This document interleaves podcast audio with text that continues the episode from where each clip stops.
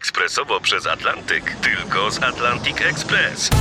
Z nami wyślesz co chcesz, kiedy chcesz, do kogo chcesz i to o 40% taniej.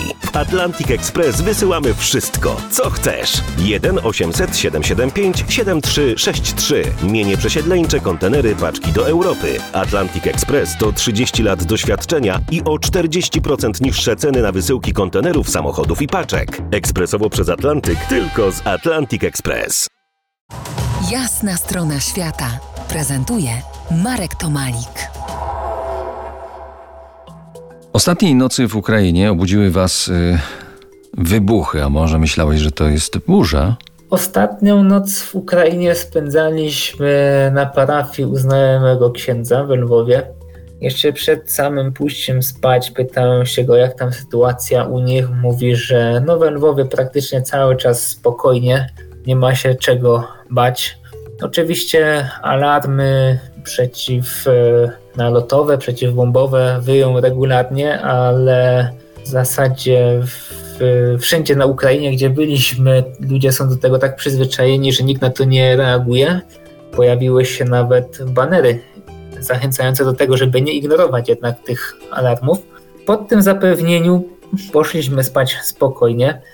Była godzina gdzieś w pół do czwartej może coś solidnie huknęło. Wydawało mi się, że dom, w którym śpimy, aż podskoczył, że zagrały szyby w oknach. Nie zdążyłem pomyśleć, co się stało. Drugi huk.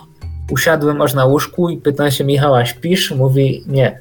I mówię, ale burza. On mi mówi, jaka burza? To rakiety. Później zobaczyłem zdjęcia bloku mieszkalnego, który został zniszczony jedną z tych rakiet.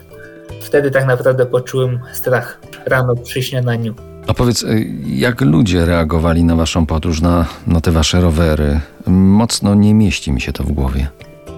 Pytanie dotyczy samej Ukrainy, czy Tak. ogólnie trasy? E, Ukrainy, tak. Zacznę od wjazdu do Ukrainy. Pierwsze pytanie celnika. Czy zdajecie sobie sprawę, że dotarliście na ukraińską granicę? Odpowiadamy, że tak. Kolejne pytanie. Czy my się rozumiemy? Wiecie, że dotarliście do granicy ukraińskiej? Tak. Na pewno rozumiecie, co mówię do was. No tak, rozumiemy. Wiecie, że u nas jest wojna? No wiemy.